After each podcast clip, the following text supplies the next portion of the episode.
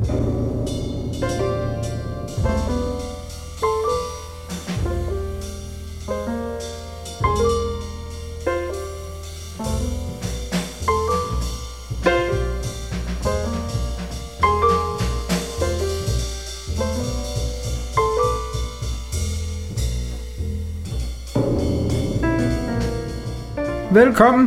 til afsnit 7 i fjerde sæson af Jazz Konversationer, hvor Jens Rasmussen og jeg lytter til og taler om, synes vi, virkelig spændende albums. Typisk ligger de to albums øh, tæt op og ned af hinanden i tid, helst samme år, hvor vi, vi jo kan indimellem give en, øh, et indtryk af, hvor bred jazzens strøm er, mm. men samtidig også giver det, giver det indtryk af, at der også er, øh, om man så må sige, strømninger, hvor, øhm, hvor tingene flyder tættere på hinanden. Ja. Som tilfældet vel kan sige at være med det, de to albums, vi skal lytte til i dag. I allerhøjeste grad. Nemlig. Vil du ikke øhm, præsentere? Jo, det vil jeg med glæde. Øh, vi skal jo tale om, om øh, et album med Alice Coltrane, og senere skal vi tale om et album med Pharoah Sanders, og øhm, ham kommer vi til at tale om i, i to omgange, forstået på den måde, at han medvirker faktisk også på Alice Coltrane-albummet, som er optaget i 69, og som har titlen Journey in Satchitananda tror jeg, det udtales. Mm. Øhm, til gengæld så ved jeg, at øh, det er en guru, som øh, John Coltrane konsulterede og følte sig meget inspireret af, og som tog øh, Alice Coltrane under sine vinger, og som mm. har haft stor betydning for hende. Så det er det, det, der ligger i den her titel.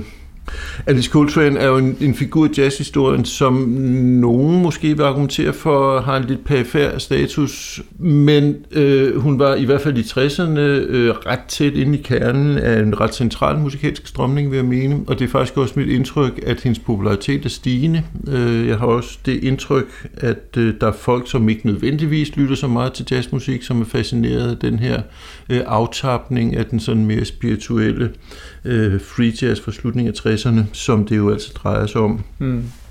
Øh, Alice Coltrane er født i 37, voksede op i sådan en uh, musikalsk familie, øh, havde to søskende, som også blev musikere senere, og øh, arbejdede som, som musiker fra, fra en forholdsvis ung alder. Men bliver jo altså først sådan for alvor berømt i den store offentlighed, da hun øh, bliver gift med John Coltrane og senere en del af hans øh, øh kvartet, skråstræk, kvintet. Øh, de mødes i 63, så vidt jeg ved, og bliver gift i 65, og så fra starten af 66, januar tror jeg, der blev hun en fast del af John Coltrane's faste gruppe, mm. øh, og hun overtager den plads, som pianisten McCoy Tyner har haft i mange år. Og øh, det gav anledning til lidt øh, rynkede miner og kritiske kommentarer der var en del, der argumenterede med, at hun jo ikke var en pianist på højde med, med McCoy Tyner. Hun var ikke så dygtig og ikke så, så interessant. Øh, det første er vel relativt nemt at være enig øh, i. Øh, men til gengæld så var hun en musiker, som passede perfekt ind i den musikalske setting, eller det musikalske univers, som John Coltrane bevægede sig ind i der fra starten af 66 mm. og frem. Han dør jo i juli 67, så det er kun sådan en halvanden års tid, vi har. Øhm, men der er nogle meget spændende optagelser, øh, som jeg personligt holder meget af. Øh, mest oplagt er måske at nævne Live at the Village Vanguard igen, som er optaget i, så vidt jeg husker, foråret 66, med den her kvintet med Alice Coltrane, tromslæren Rashid Ali, Pharoah Sanders på saxofon og, og øhm, Jimmy Garrison på bas. Øh, så er der en, øh, synes jeg, fuldstændig mesterlig John Coltrane-indspilning, som også har hende med. Øh, det er den, der hedder Stellar Regions, optaget i starten af 67, men er helt besønderlige årsager først øh, udgivet i, i 95. Jeg tror, historien er sådan noget helt banalt med et mastertape, som en eller anden glemte op på toppen af et skab, eller nede i bunden af en skuffe, eller et eller andet. Men dog i, i øh, og men ukendt, så dog i familiens øh, varetægt. Så, så vidt jeg ved, deres fælles søn Ravi Coltrane, som jo selv er saxofonist i eget navn, øh, tog initiativ til, øh, at, at den blev udgivet der. Mesterlig øh, kvartetudgivelse. Jeg har også lyst til lige at nævne de øh, spændende koncertoptagelser fra en øh, turné i Japan, som John Coltrane lavede i sommeren 66 med samme besætning, som er udgivet under, under forskellige titler. Jeg har selv sådan en, en CD-boks med fire CD'er, de er udgivet på forskellige vis. Alt sammen fremragende John Coltrane musik, som altså har Alice Coltrane på klaver, og hvor jeg synes, hun passer fremragende, uanset at hun måske ikke sådan øh, teknisk set øh, var på niveau som en, med en musiker, som man kunne tegne. Mm. Det er der jo så ikke mange, der er, kan man sige. Præcis. Så hvis det er kriteriet for at få lov at spille, så vil jeg nok sige, der er mange, der ikke vil få lov at sætte en finger til noget instrument. Du har så evigt ret. Du har så evigt ret. Øhm, så dør Coltrane jo så, altså det er sommeren øh, 67, og Alice Coltrane begynder at indspille i eget navn. Hun bliver på Impulse pladselskabet, hvor Coltrane og mange andre af de sådan mere toneangivende og eksperimenterende musikere fra 60'erne øh, udgav øh, meget af deres musik. Og hun udgav faktisk øh, relativt meget sådan frem til starten af 70'erne. Det album, vi skal tale om i dag, er det fjerde, som hun lavede i eget navn. Og jeg har lyst til lige at knytte nogle meget få kommentarer til de andre. Den første hedder The Monastic Trio, og så kunne man tro, at det er en trioudgivelse. Det er det ikke. Titlen henviser til et eller andet spirituelt fænomen i hinduismen, som jeg ikke skal gøre mig klog på. Men den er fra øh, 68 og har Pharoah Sanders på saxofon og fløjte og basklarinet. Jimmy Garrison, gamle øh, John Coltrane bassist, mm. og så Rashid Ali på trommer. Øh, på de fleste numre, der er også nogle numre, hvor Ben Riley spiller trommer.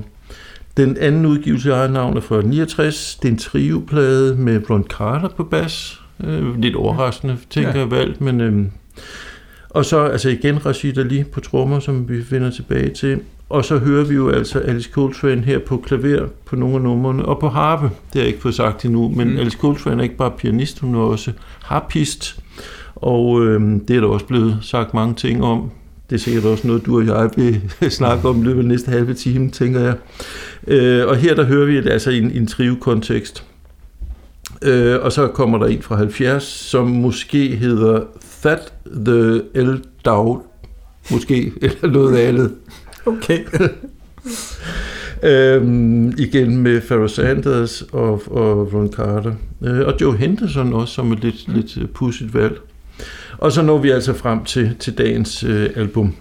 Og der er jo også nogle musikere, som jeg lige skal nævne. Det drejer sig selvfølgelig om hende selv på klaver og harpe. Det drejer sig igen om Pharoah Sanders, som vi kun hører her på sopransax, og det skal man ikke beklage. Det er en fornøjelse, synes jeg. Mm. Så har vi Season McBee på bass, vi har igen Rashida lige på trommer, og så har vi to øh, musikere, som jeg ikke ved om er indiske, men som i hvert fald har, har ikke amerikansk klingende navne. Der er en Tulsi, som spiller tambura, og så er der en Majid Sabas, som spiller klokke og tamburin. Og tambura, som vi før har været inde på i en, en tidligere udsendelse, er jo sådan et slags drone-instrument, strengeinstrument, som ja. har et antal strenge, som bare ligger og, og klinger ned i bunden. Klinger ned i bunden, ja. ikke? Så, og giver en masse stemning. Ja. Som typisk ligger under øh, klassisk indisk musik, hvor der også ganske ofte er tabla, eller sang, eller skalmeje, eller violin tror jeg, har vi, kan man forestille sig andre? Ja, sitar, ikke? Så, og selvfølgelig sitar, ja. ja. Solistinstrumenter ligesom, ikke? Men den ja. ligger altid bare nedenunder og laver en god bund. Ja, præcis. Kan man sige. Ja.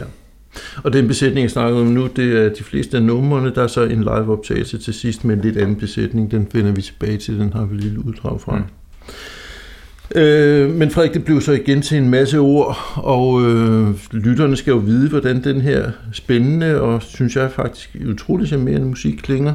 Det skal de da. Så øh, første uddrag, hvad har vi valgt til dem? Ja, vi har valgt, øh, jeg skal ikke våge mig ud i ah, kom nu. Titelnummeret, som jo er øh, 6,5 minutter lang, og derfor for lang til, at selv hvis vi spillede det hele, at kunne øh, øh, ligesom passe ind i vores format. Så vi tager et uddrag, cirka to og et halvt minut fra starten, og så snakker vi lidt, tror jeg, om det, og så det gør vi dykker, vi ned i, øh, dykker vi ned i den igen lidt længere hen. Her først Journey in Sachidananda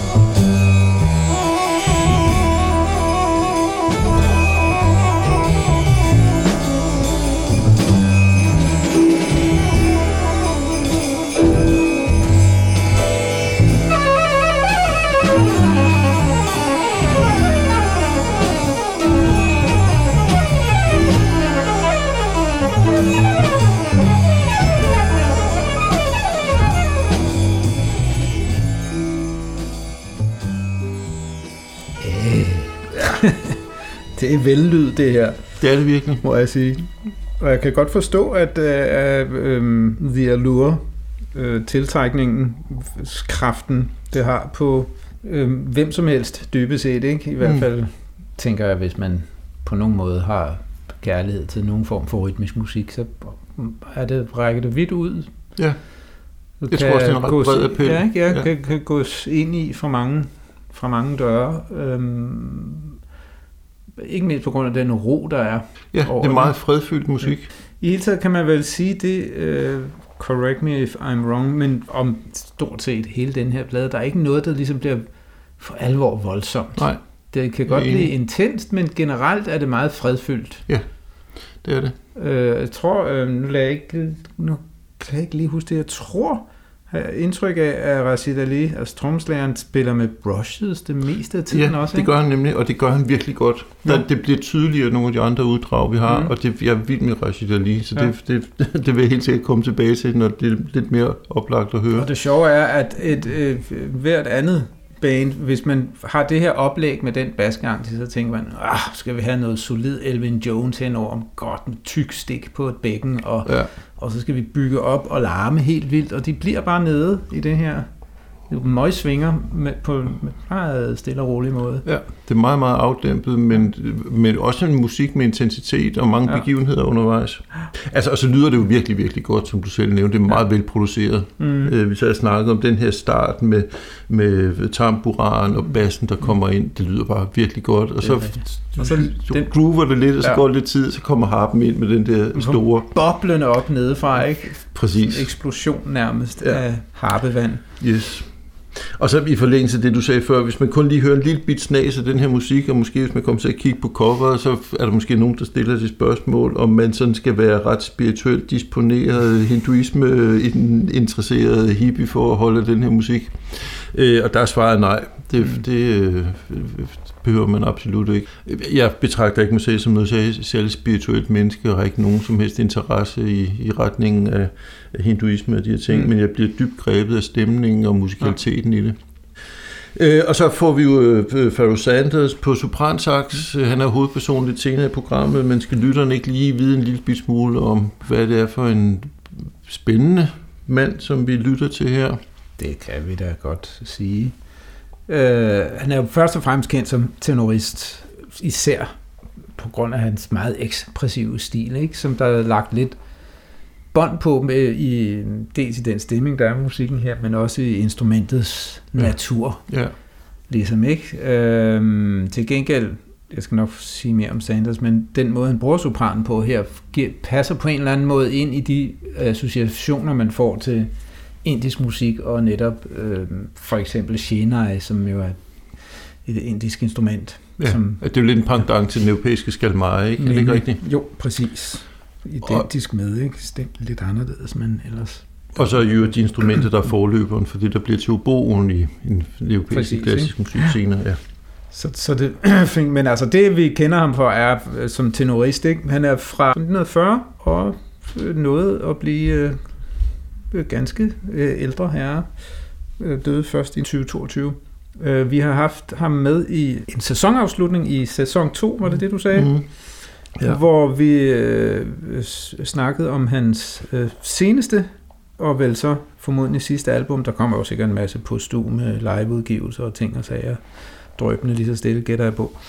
Hvor han øh, samarbejdede med en elektronisk musiker og London Symphony Orchestra, så vidt jeg husker. Øhm, så han bredte sig meget ud. Første gang, vi hører til ham, er jo vel for så vidt med Coltrane-gruppen, men han spillede også med Don Cherry, spillede kvartet. Ja, så var han faktisk med hos Sonra inden da. Det er rigtigt, men man kan sige, det er ikke det, han er kendt for. Nej. Men det var, han, Sonra var, tog ham ind, da han kom til New York. Han kom fra, jeg tror, et eller andet sted i Oklahoma oprindeligt. Øh, så kom han til New York i 62, øh, og der kom ind i folden hos Sun Ra som også sørgede for, at han fik tag over hovedet i den første tid. Så øhm, som sagt, via Sunra kom man også i kontakt med Don Cherry og, og andre af de smarte, og ikke mindst Coltrane, ikke? hvor i hvis gruppe han så kom med fra, var det 65? Så vidt jeg, jeg tror, han er med sådan pletvis, i, øh, altså, øh, når de spiller live, og de første mm. optagelser er fra efteråret 65. Så noget der. Og så er han fast med fra, det er samtidig med Alice Coltrane, tror jeg. Ja. Kunsten 66. Og, og fik jo den måde, han behandlede instrumentet på, havde stor indflydelse på Coltranes øh, måde at spille og, ja. og se på musikken på. Og støttede ham jo i hans øh, orgiastiske, ekstatiske øh, træk, kan man sige, ja. øh, Sanders gjorde. Øhm, ja, det lykkedes jo faktisk Sanders at være betydeligt vildere end John Coltrane der i ja. 5, 6, 67. Ja. Øhm, det er da også lidt en præstation. Det vil jeg nok sige. Ikke? Men det, hvis det er så det eneste, man kender til ham, så skal man jo vide, øh, som vi for eksempel hører her, at han jo ikke bare var det, og at han selv har indspillet en lang række albums, også på, her på uh, Impulse, ja. øhm, hvor han øh, tager, tager indtryk for mange slags øh, musik, verdensmusik kunne man kalde mm. det, ikke? Ja. indisk musik, afrikansk musik, øhm, og forskellige steder i Afrika, der er også øh, jeg hørte et nummer, der i mine ører lød som hørt karibisk øh, inspiration. Så han, han rakte langt ud og, ja, synes jeg, øh, afsøgte musikken øh, meget bredt, som det album, jeg nævnte før, vi havde oppe i en, i en tidligere sæson, ja. øh, viste. Så lavede han en lang række albums op gennem 80'erne, 90'erne og 0'erne, hvor han øh, også spillede standard. Mm. Og synes jeg faktisk også rigtig godt, men hele vejen igennem bevarer han sin, øh, sin fantastiske øh, klang, ja. som jeg synes er hans, det, det der er hans klang og nærvær, ligesom, som er, er hans, øh, hans superkraft på ja. en eller anden måde. Jeg får lyst til at nævne en, en udgivelse fra anden halvdel af 70'erne, tror jeg, som hedder Love Will Find a Way, mm. som er enormt kommersiel og enormt poppet, og med en masse stryger, og jeg er lige ved at sige trommemaskine, det ved jeg så faktisk ikke, om der er. Mm. Øh, men altså sådan meget i tiden, sådan mest populære stil, men hvor han igen spiller med den her vidunderlige klang. Og ja. altså, det, det er en meget sukret plade, men jeg synes faktisk, den er virkelig god at, at være at lytte til, fordi, ja. fordi det er ham. Øhm, så, så det, det kunne han faktisk også relativt, øh, altså med relativt stor kunstnerisk succes, ja. vil jeg mene.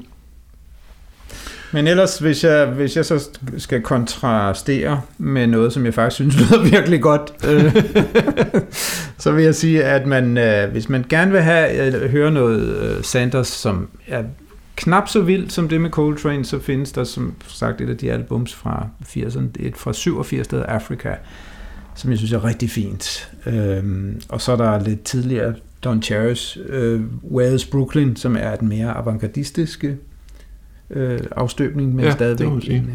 Og så synes jeg, øh, det var ret interessant.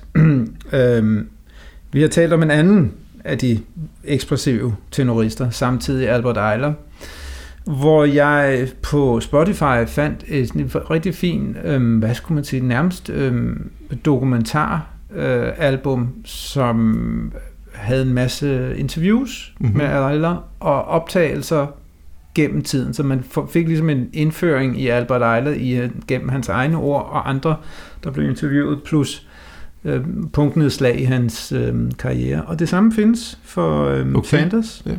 Det, altså hvis jeg husker ret, så er det nærmest en karakter en lang radiomontage. Er det, ja, er det rigtigt netop, jo, ja, det kan man godt sige. Der er ikke en vært, men der er bare, de er bare ligesom, om man så må sige, monteret optagelser og interview af samtidig, og så øh, og den her hedder så øh, øh, Pharaoh Sanders In the Beginning 63-64, og det kan være meget sjovt at høre okay. nogle af de ting, som ligesom er starten af ham, og hvor man hører, genkender ham med det samme. Ja. Han er ikke ligesom... Øh, han kommer ikke ind og, og spiller blues eller jazz. Han, mm. han er Pharoah Sanders fra start. Ja, spændende. Inden, inden Coltrane. Ja. Det er meget spændende. Ja, nå, men vi vender også tilbage til Sanders senere, ja. øhm, fordi der er en hovedperson her, vi ikke skal glemme, nemlig Alice Coltrane. Ja, og, øh, vi var faktisk midt i et nummer jo. Vi var midt i et nummer, ja, det er det, vi er. Ja. Øhm, og her der hører vi hende jo på harpe, og øh, vi hører hende, må man vel sige, alt væsentligt akkompagnerende rolle med, med Sanders som mm. den fremtrædende. Men hun var jo også harpe solist. Øh, den trioplade, som jeg nævnte før, som jeg tror den anden udgivelse, hun lavede eget navn, der var altså numre, hvor det kun er bas og trommer og harpe. Mm. Øhm, og det skal vi høre et eksempel på, mm. fordi efter Sanders solo her, så er der en passage, hvor, hvor hun er, er solisten. Og øhm, derfor så vender vi lige tilbage til, til titelnummeret her øh, lidt længere inde. Det gør det nu.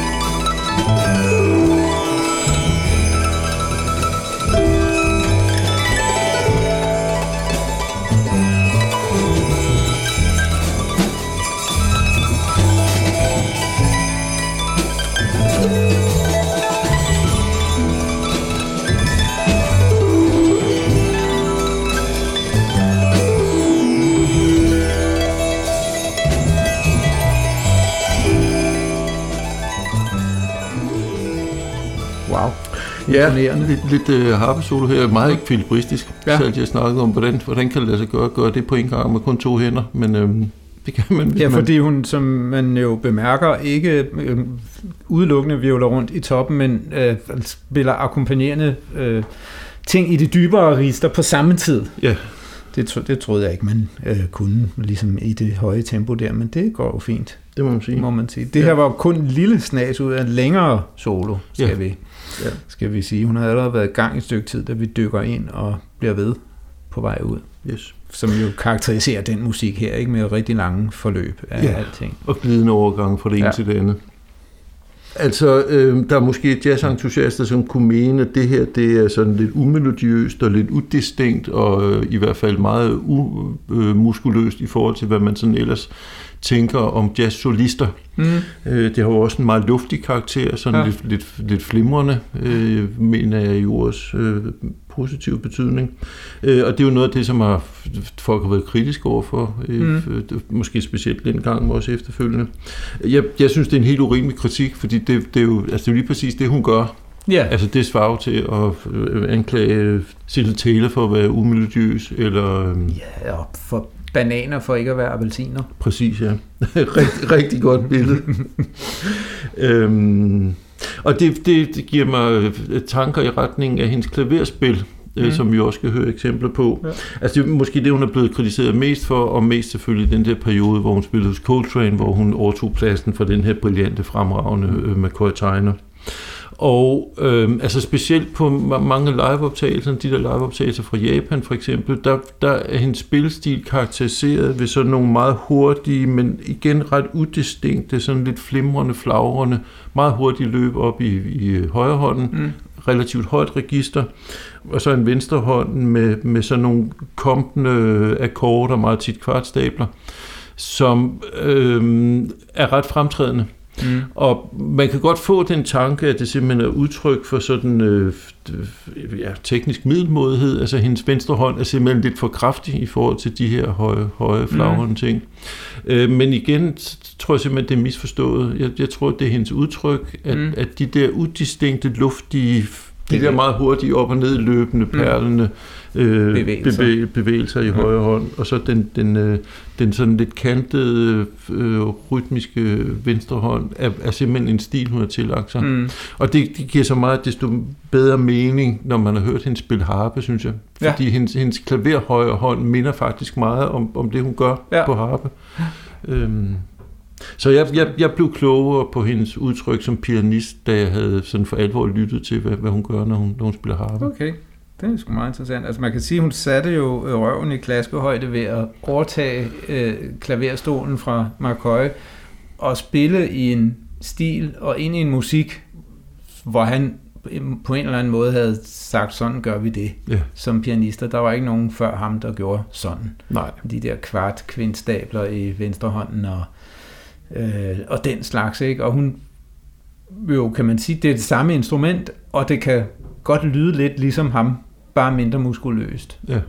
Så det var, det var modigt at, ja. at, at tage, tage de uh, kunstneriske valg, hun gjorde, ja. må man sige. Og så må vi jo desværre også sige, at øh, en kvinde på den plads har jo i sig selv været noget, som, oh ja, som mange, ja, ja. mange synes var upassende. Og så var hun til, til med hans hustru, som man kunne ja. forestille sig de værste nepotistiske ja. motivationer for det her.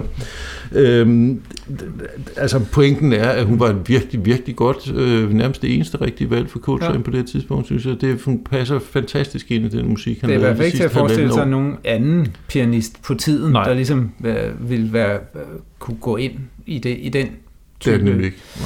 Nej. Øh, orgiastiske musik, som han var inde i der. Altså, hvem? Jeg, ja, jeg kan ikke komme i tanke om nogen. Nej, og nu du siger orgiastisk, så er jeg selvfølgelig fuldstændig enig, men, men her er der jo også noget af den her sådan spirituelle fredfyldthed i noget af musikken. Ja, ja. Øhm, det kan også være orgiastisk. Jeg ved godt, man ja. orgiastisk bruger man måske mest om noget, der larmer helt vildt, men det er jo også bare et udtryk for sjælelig ekstase ja. på en eller anden måde. Præcis. Og så synes jeg også, det hører med til historien om de her to pianister, at der faktisk er mange virkelig spændende Coltrane-optagelser fra 65, hvor han prøver nye ting af, og hvor McCoy Tyner faktisk øh, træder lidt ud som den sådan øh, konventionsbundne, ja. øh, nærmest det konservative pianist, som ikke rigtig fulgte med de musikalske strømninger, som, som Coltrane var ved at udforske. Ja. Øh, så uanset hvor meget vi holder af McCoy Tyner i, i Coltrane's kvartet, så, så øh, så, ja, så endte det, som det skulle.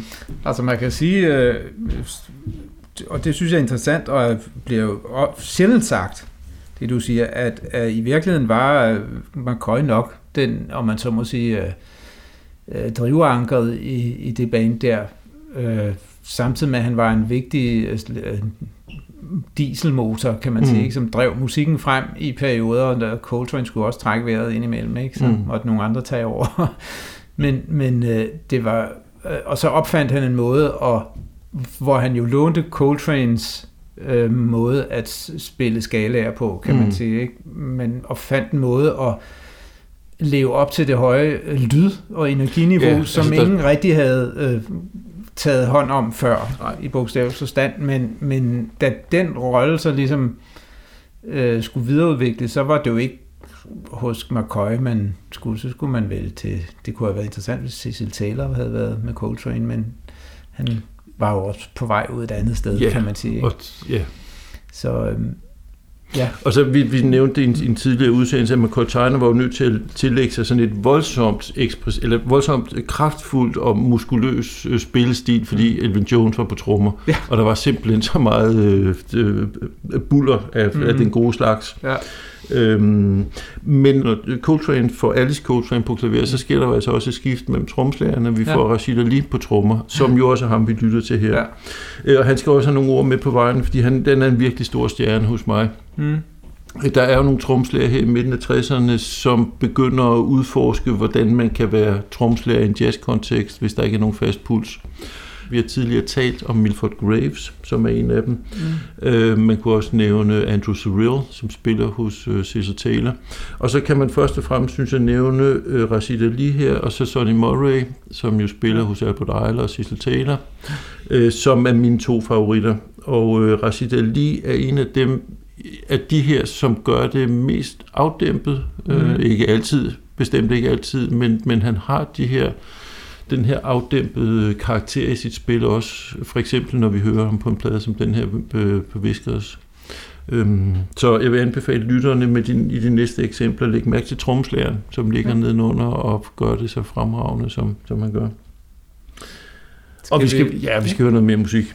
Vi skal jo høre, nå ja, dedikation til husbunden John. Præcis. Det, der hedder Something About John Coltrane. Yes. Hvor vi igen går ind et stykke ind, ikke? for at høre, øh, hvordan øh, hun øh, håndterer klaveret. Ja. Yeah. Den kommer her.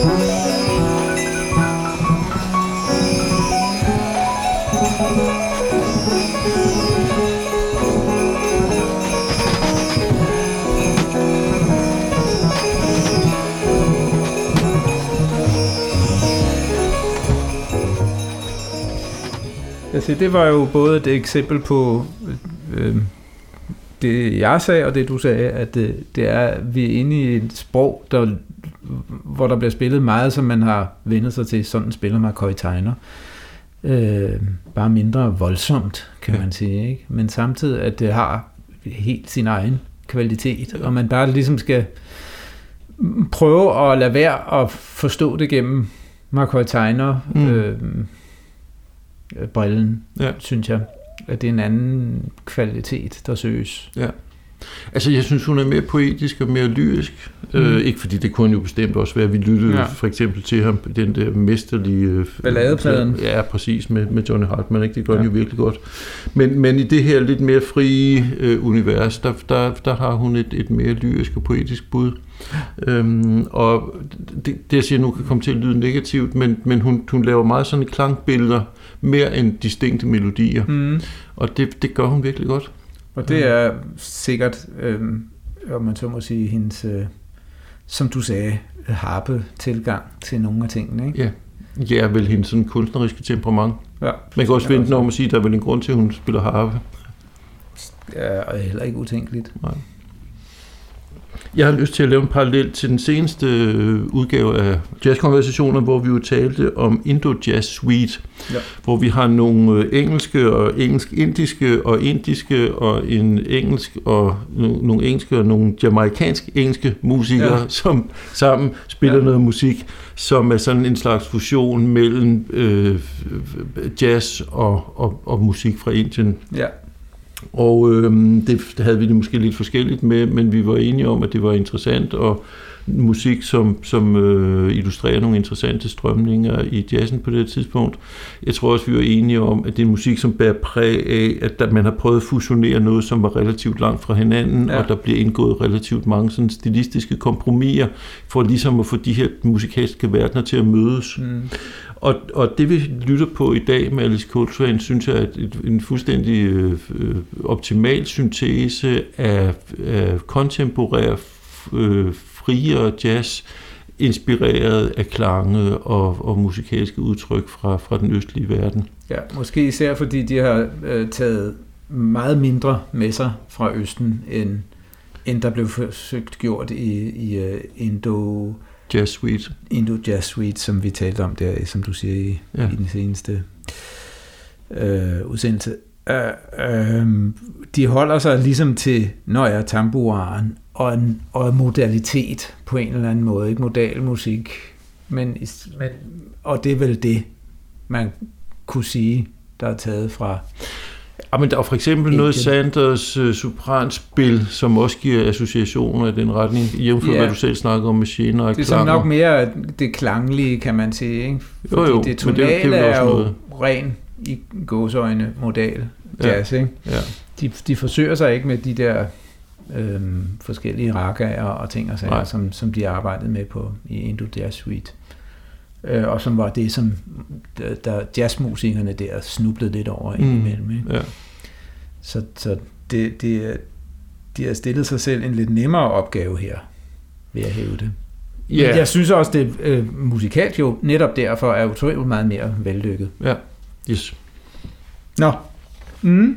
Øh, vi skal høre den sidste lille bid fra den her øh, fine, glimrende plade, fordi det sidste nummer øh, på albummet er en øh, liveoptagelse fra Village Gate mm-hmm. hvor hun spiller med en besætning, der minder lidt om den, vi havde før, men der er dog lige et par udskiftninger, som jeg synes, vi skal nævne. Fordi Ikke mindst vi har Charlie Hayden i stedet for Cecil McBee. Ja, og Charlie Hayden er jo en bassist, som vi begge to holder utrolig meget af. Yes. Øh, nu kan man så faktisk ikke høre ham så vanvittigt godt her, men, men, men det er rigtig godt at vide, at han er der. Ja, det er vi meget trygge ved. Det er vi meget trygge ved, ja. Øh, og så har vi altså igen Pharoah Sanders på sopran, vi har igen Rashid Ali på trommer, som spiller på blændende igen, mm. den her passage. Og så har vi en Vishnu Wood på en ut, tror jeg det hedder, OUD, mm. ja. øhm, som jo er et strenginstrument, øh, som, ja. som minder lidt om den, den europæiske lut. Ja. Øh, og som gør lidt mere her, øh, eller ikke gør mere, men øh, øh indgår mere aktivt i, i musikken end, ja. end tamburaren. Øh, det, det, det, er en, det er en mere aktiv medspillende øh, musiker, vi, vi har her. Ja. Øhm, så lad os høre det, det sidste sådan lidt opsummerende eksempel, måske.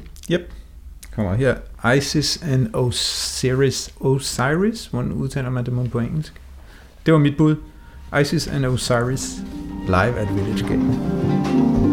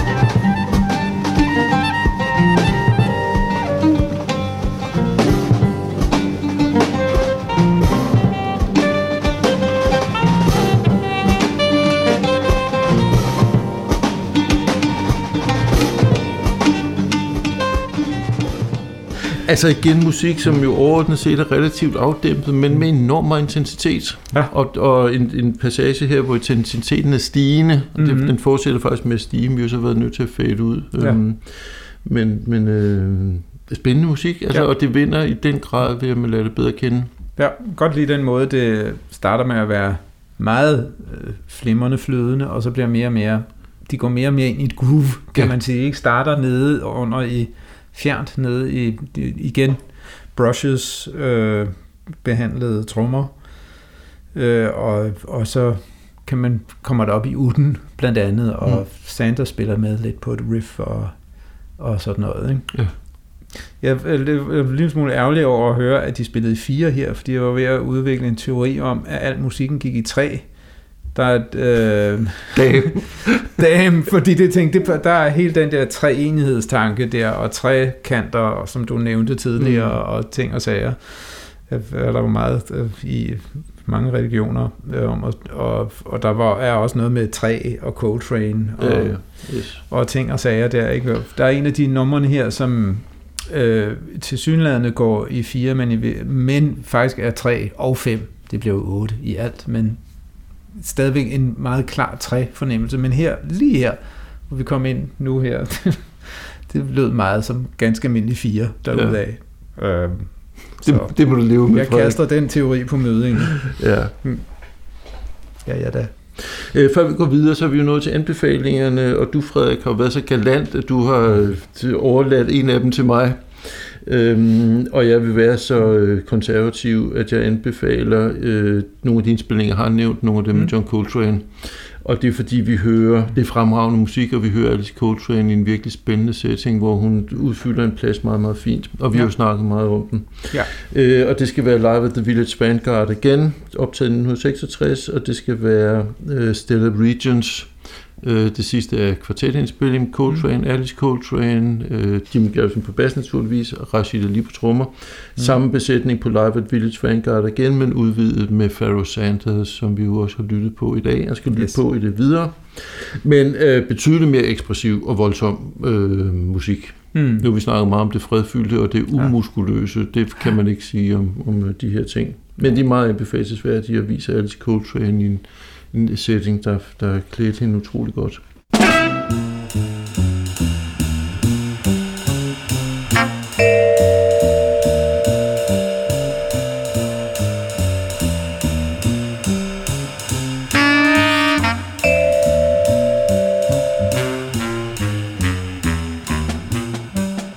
Vi skal videre, og vi skal snakke om uh, Pharoah Sanders albumet Karma, som er en af de temmelig berømte, må man sige.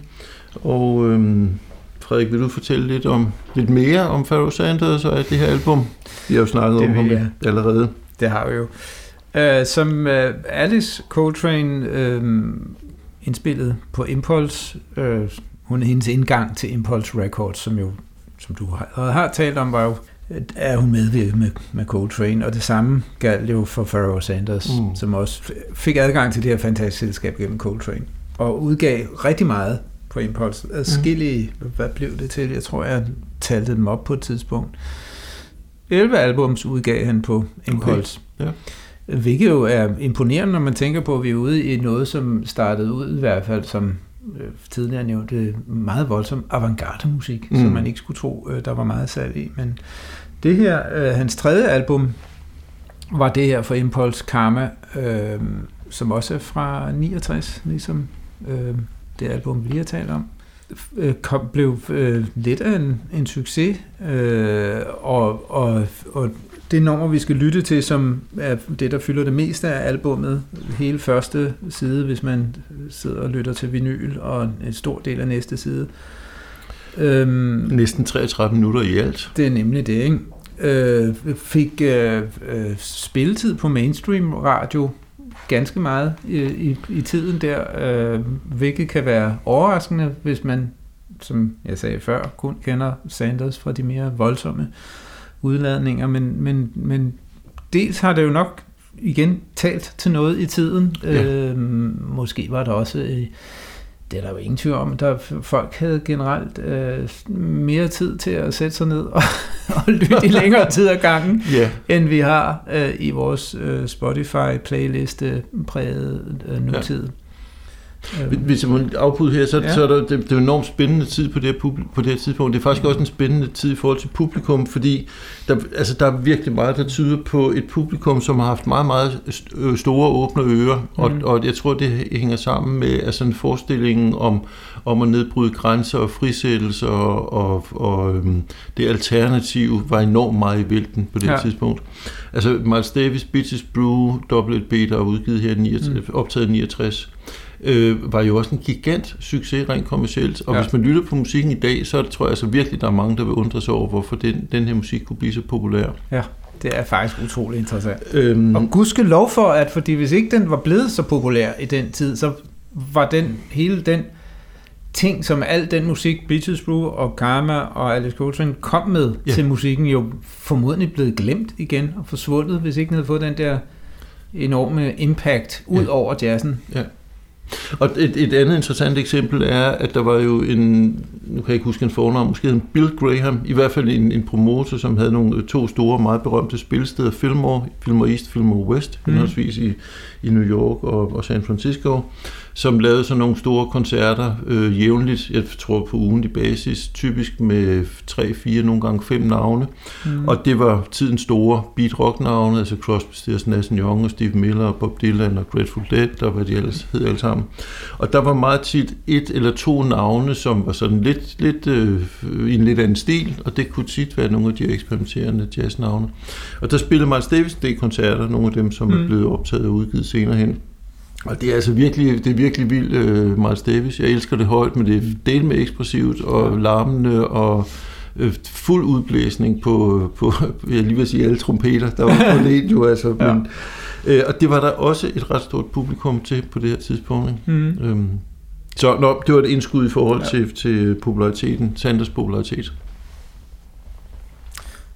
Øhm, hvad skal vi sige mere? Jo, altså, musikken minder, synes jeg, på mange måder om det, vi lige har hørt, i det, den er ret...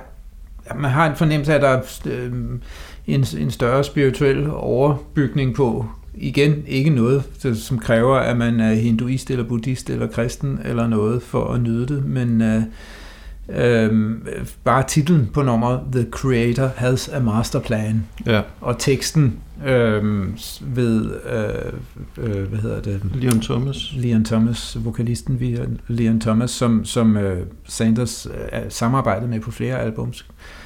Øh, handler jo også om, at skaberen af, af værket, af det store værk af os alle sammen, øh, han har en plan, og, vi, og det handler om, at vi bare skal elske hinanden alle sammen. Peace and happiness for every man. Ja, ikke? Ja.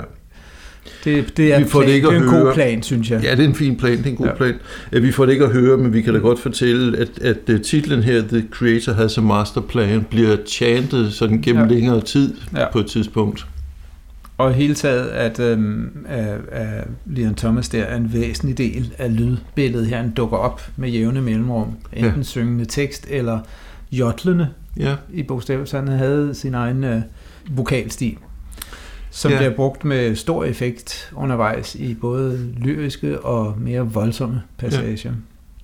Du siger, Jotland er fuldstændig enig med, men der er også noget sådan lidt messende i hans måde at synge Det er der også, ja. ja. Men der, der er mange forskellige kvaliteter. Øh, det er en, øh, også en et sjov, øh, øh, det er meget stort orkester, mm. han har samlet her, øh, hvor, hvor, hvor, øh, hvor vi med Alice Coltrane havde lidt mindre orkester, hvor, hvor til gengæld, om man så må sige, den sammenbindende lim var tamburen og trommerne og en baslinje, så har vi flere instrumenter, der ligesom øh, hele tiden spiller og, og, og binder musikken sammen. Ja. Som klæ lim. Øh, der er fløjtenisten James Spalding, som vi har mødt tidligere øh, i andre udsendelser. En meget brugt, øh, om man så må sige, studiemusiker og sideman. Spiller fløjte her. Øh, Lonnie Liston Smith på klaver. Han var spillet også øh, orgel, men det gør han ikke her. Reggie Workman, som vi kender fra nogle af Coltrane-kvartetterne, mm-hmm. spiller bass. Det gør Richard Davis også. Der er to bassister på samme tid. Øh, en af dem stryger ind imellem. Mm. Kan jeg ikke lige huske, om vi når at høre her. Øh, og på det nummer, vi hører her, har vi også øh, Billy Hart på trommer. Dejlige trommeslager. Ja.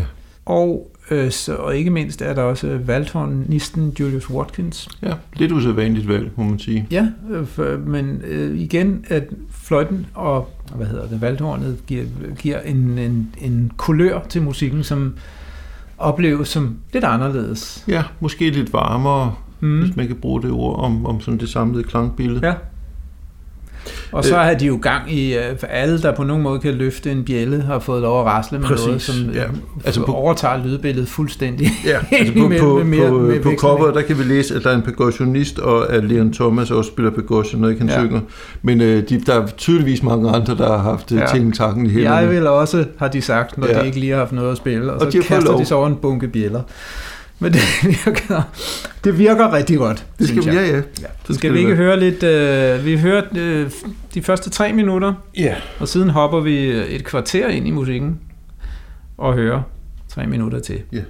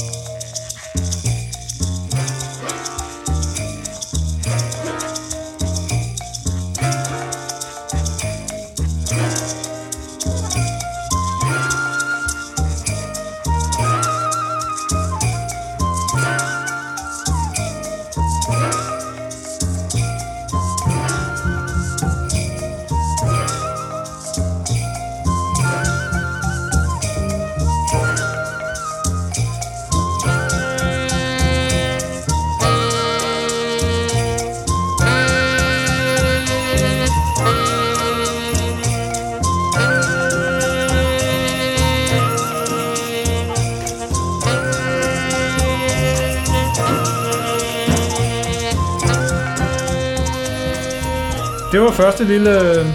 Ja, vi nåede en tiende del ind, cirka. ja. Og man, så man fornemmer igen her, musikken bevæger sig jo ikke voldsomt hurtigt frem. Nej. Men de, ja, det, jeg synes er øh, bemærkelsesværdigt, er, at øh, på trods af, at det var over en halv time, så synes jeg ikke, at man på noget tidspunkt sidder og tænker, nu skal der ske noget nyt. Nej. Øh, det, der, det, det, jeg synes, timingen, at hver gang de tager et nyt afsnit, om man så må sige, er mere eller mindre perfekt. Ja. Og det virker meget som om, det er Sanders, der styrer det med mm. musikalske cues. Han går i gang med et nyt ostinat eller en ny melodi. Mm.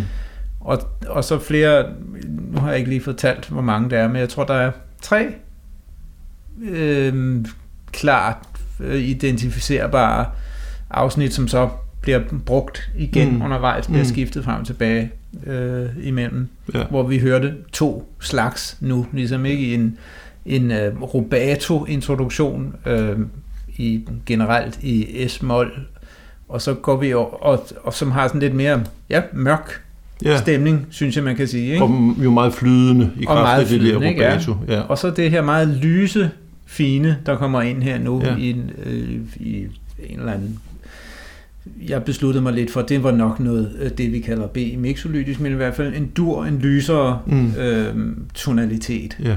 Og det er også her, hvor, hvor over den her fornemmelse af, af Leon Thomas kommer ind og synger temaet.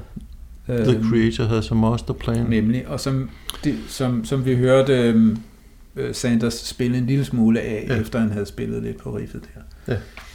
Og så kommer der en hurtigere del, så sidenhen, som, er, som er sådan lidt, Præcis, lidt, ja. lidt happy i karakteren. Ja. ja.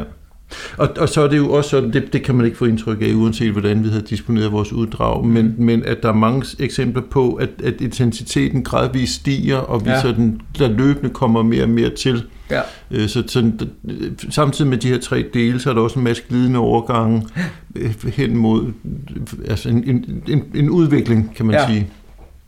Nemlig. Øhm, det næste eksempel, vi skal høre, viser jo, at der er nogle meget ekstatiske passager undervejs, øh, som også er karakteristiske for den ja. her musik. Øh, øh, jeg får lyst til endnu en gang at lave en parallel til Miles Davis, og det er jo ikke overhovedet, fordi de her, det her lyder som Miles Davis musik, men jeg synes, det er interessant i sådan lidt større jazzhistorisk perspektiv, at der er så mange åbenlyse ligheder. Altså det her med at have nogle meget lange forløb, som er styret af Sanders, ja. Miles, øh, baseret på nogle få skalaer, altså det er modalt, nogle ja. ostinater, øh, ret store ensembler, det at mange øh, improviserer samtidig. Vi ja. har også nogle passager med sådan nogle, man kunne kalde det groove-passager, hvor der ikke er en solist, hvor der ikke er tema, men, men hvor, hvor musikken bare er, eller ja. groover, eller, eller hvad man nu vil. Øhm, er alt sammen sådan en til en, hvad vi finder hos Miles Davis på det her tidspunkt. Ja det lyder anderledes, fordi nogle andre musikere, fordi Miles Davis var en anden sådan musikalsk karakter end, end Sanders, men de har utrolig meget til fælles. Ja. Og alt sammen jo noget, som er, altså de, de, de ting, jeg nævnte før, er noget, som vi også kan øh, opleve tidligere jazzhistorie, men kombinationen af de her ting er ny. Ja, altså man kan sige, at den kollektive musiceren kan man godt gå tilbage og finde i New Orleans, ikke? hvor man typisk spillede soli sammen, ikke? Og så, ja. men så havde man så også klare roller, og klarinetten var den hurtigt bevægelige øh, lyse, og trompeten typisk melodiførende, og basunen lidt mere bassagtig og ja. langsom. Og så altid og med relation til en melodi jo. Nemlig, ja. Øh, det er det, man kalder parafraserende ja. kollektiv improvisation, tror jeg. Og så det, kommer man ind i mere... Øh, kunne man godt sige lidt mere fastlåste roller, ikke? hvor bas var rytmebærer, trommer passede også rytmen, øh, klaveret akkompagneret, når den ikke spillede solo, og, ja. i, og her i havde vi så fået klaver med, ligesom, ikke? og solisten spillede solo, bum, ja. færdig. Ikke? Og sådan en masse akkordskift, som jo så også ja. definerer nogle, nogle kor, altså ja. nogle, nogle, en, en fast progression, som, som, øh, som, som alle solister har, har fulgt, øh, som er opløst her med, med det modale. Ikke? Ja. Øhm. Og hvor rollerne også er, hvor man fornemmer, at der er en stor frihed til at gå ind og ud af musikken. Ja. Øh, og man dybest set, hvis man passer sin, sit instrument, kan man sige, og instruments timbre, er fri til at gøre mere eller mindre, hvad man vil. Ja. Øh, så at valthornet spiller nogle gange noget tematisk, eller noget stinat men ofte også bare improviserer, kan man høre, ikke? Og, og, og bidrager med sin lyd ja. og sin karakteristika mm. til øh, et, at være den stemme, der passer ind i det kor af, af mennesker i flokken, ja. så at sige. Ja. Så det er jo helt i tidens ånd en, en, en, en måde at musicere på med en masse frihed og med en masse sådan kollektivitet. Ja. Der, der er meget sådan ligeværd mellem instrumenter og musikere her. Ja. Øh, og en anden ting, som jo er i tidens ånd, det er jo det her orgiastiske, som nogle gange kan blive øh, ekstatisk. Mm. Øhm, og det tænker jeg, at vi skal lytte til det næste eksempel. Skal vi det? Der er vi sådan et kvarters tid inde i, i forløbet. Øh, og der kan vi høre, hvordan tingene kan blive temmelig øh, passionerede.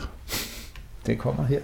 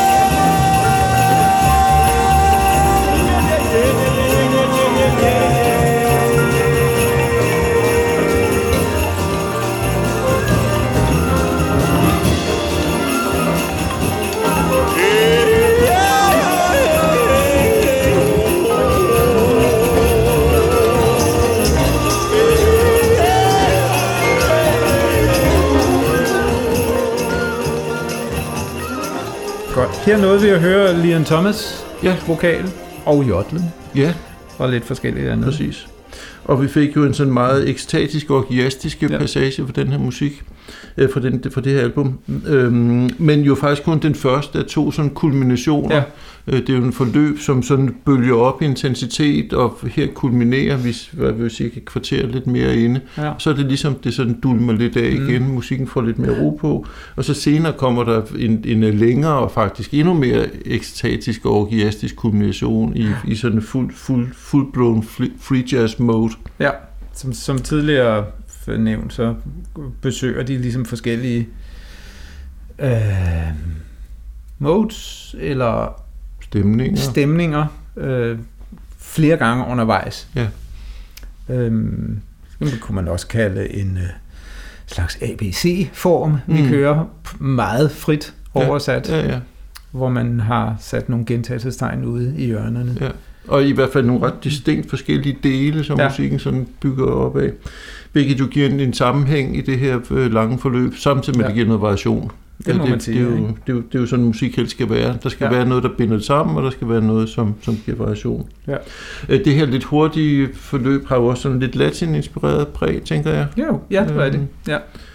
Nu har vi talt meget om, om inspiration fra Afrika og Indien og sådan ja. noget, og her der er vi det, sydamerikanske ja. klange og rytmer blandet ind i det. Det er sandt. Øhm, jeg vil lige nævne, at nogen har sammenlignet det her, det her nummer, altså Creator has a masterplan med, med, med Coltrane's A Love Supreme, og øhm, i den forbindelse ved jeg, at Jens synes, man hellere skal sammenligne det med Coltrane's Ascension, som jo også er en, som er en lang, fri improvisation, hvor mm. der jo ikke, så vidt jeg kan gennemskue, er nogen som helst temaer. Jo, der er et tema, der kommer igen mellem alle soloerne. Gud, det kan jeg slet ikke huske. Ja. Det tager jeg i mig igen. Eller i hvert fald nogle, nogle motiviske elementer, mm. som, som øh, går igen øh, mange gange. Øh, man kan sammenligne begge dele, det, det, det synes jeg sådan set er, er lige relevant, men, men det der med Ascension, det er, at det, det er et album med meget, meget langt forløb, jeg tror også, vi snakker om ja. cirka 30 minutters forløb, som er optaget i to versioner, så vidt jeg husker, mm. øh, og som øh, nogle steder er meget orgiastisk og voldsomt og ekspressivt og larmende, vil nogen mm. sikkert synes, og i andre passager er mere afdæmpet og roligt. Øh, Afhængig af solisten. Præcis, ja. ja. ja. Den samtale, vi havde om, om Alice Coltrane-albummet, mm. så er der en McCoy Tyner solo, som er sådan ret øh, konventionel. Mm. Det er super fed, det, der ligger noget negativt i det, men, men sådan stilistisk set mere tilbageskuende. Øhm, men parallellen til hans Love Supreme er selvfølgelig oplagt i forhold til den her spirituelle, det spirituelle aspekt af musikken ja. og inddragelsen af tekst og, og sådan nogle ting. Ostinat, ro ja. og forskellige modes igen, eller stemning, eller hvad Præcis. du skal kalde det. Ja. Øh, jeg har lyst til lige at nævne navnet Gato Barbieri, uh, og det er jo, der er jo stor forskel på alle mulige forskellige niveauer, men, men der er nogle, noget klanglige ligheder, og den her sådan nu kommer jeg igen til at bruge ordene ekstatisk og orgiastisk mm. klang, men altså det her meget, meget ekspressive, øh, kan du sige det bedre end mig? Der, der er noget, de begge to gjorde så fedt. Ja, øh, det, ja, vi har brugt ekspressiv utrolig mange gange. Jeg har svært ved at finde andet. Men sjæleudkrængende. Altså, sjæleudkrængende, det er et rigtig godt udtryk. Ikke? Og de kunne noget helt øh, basalt med at spille øh, meget kraftfuldt i det allerøverste flageolet-register.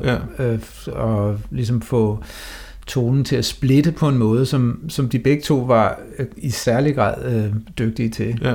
må jeg sige. Øh, og hørt, øh, der er jo ikke nogen tvivl om, at i hvert fald har den ene influeret på den anden. De spillede jo også sammen, blandt andet på øh, Symphony for Improvisers, Don Cherry-albummet, og også på øh, Jazz Composers Orchestra.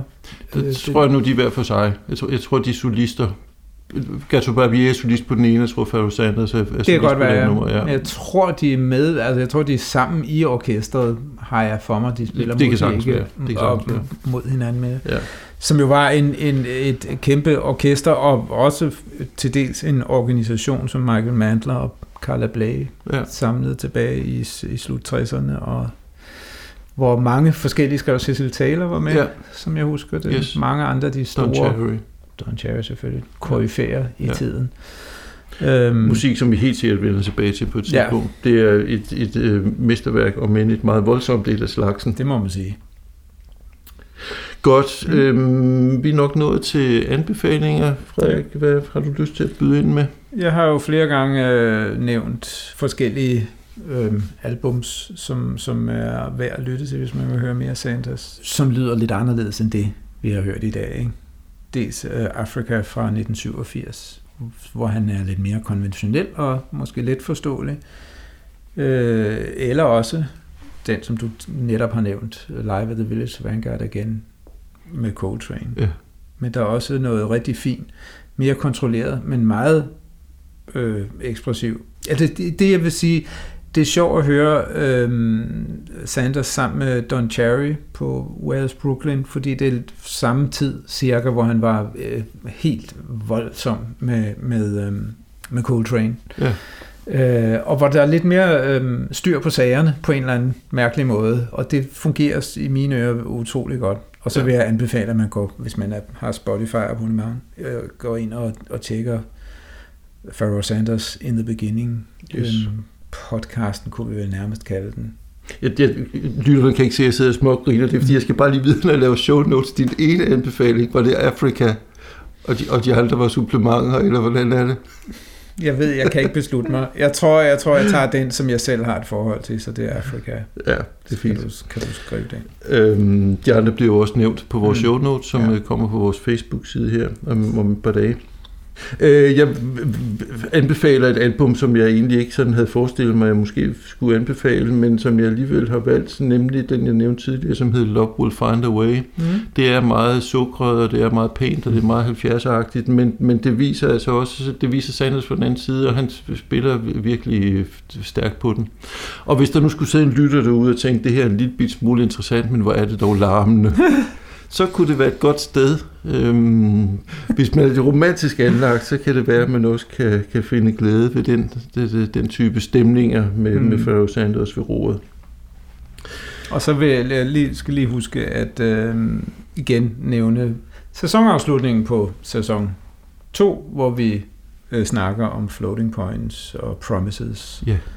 øh, som er en helt anden Sanders, yeah. Og alligevel den samme og meget spændende og meget rørende. Ja. Det, det er virkelig et fint møde mellem ja. de her to meget forskellige musikere, to helt forskellige generationer.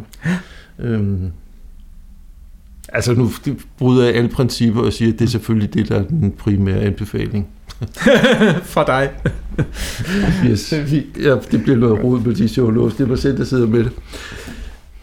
Frederik, du skal tease lidt for øh, næste udsendelse. Jeg skal sige lidt om, øh, hvad vi snakker om i øh, næste program, hvor vi øh, bevæger os ganske få år øh, frem i tiden øh, til øh, en to albums, som på en eller anden måde øh, introducerede øh, en ny musik mm.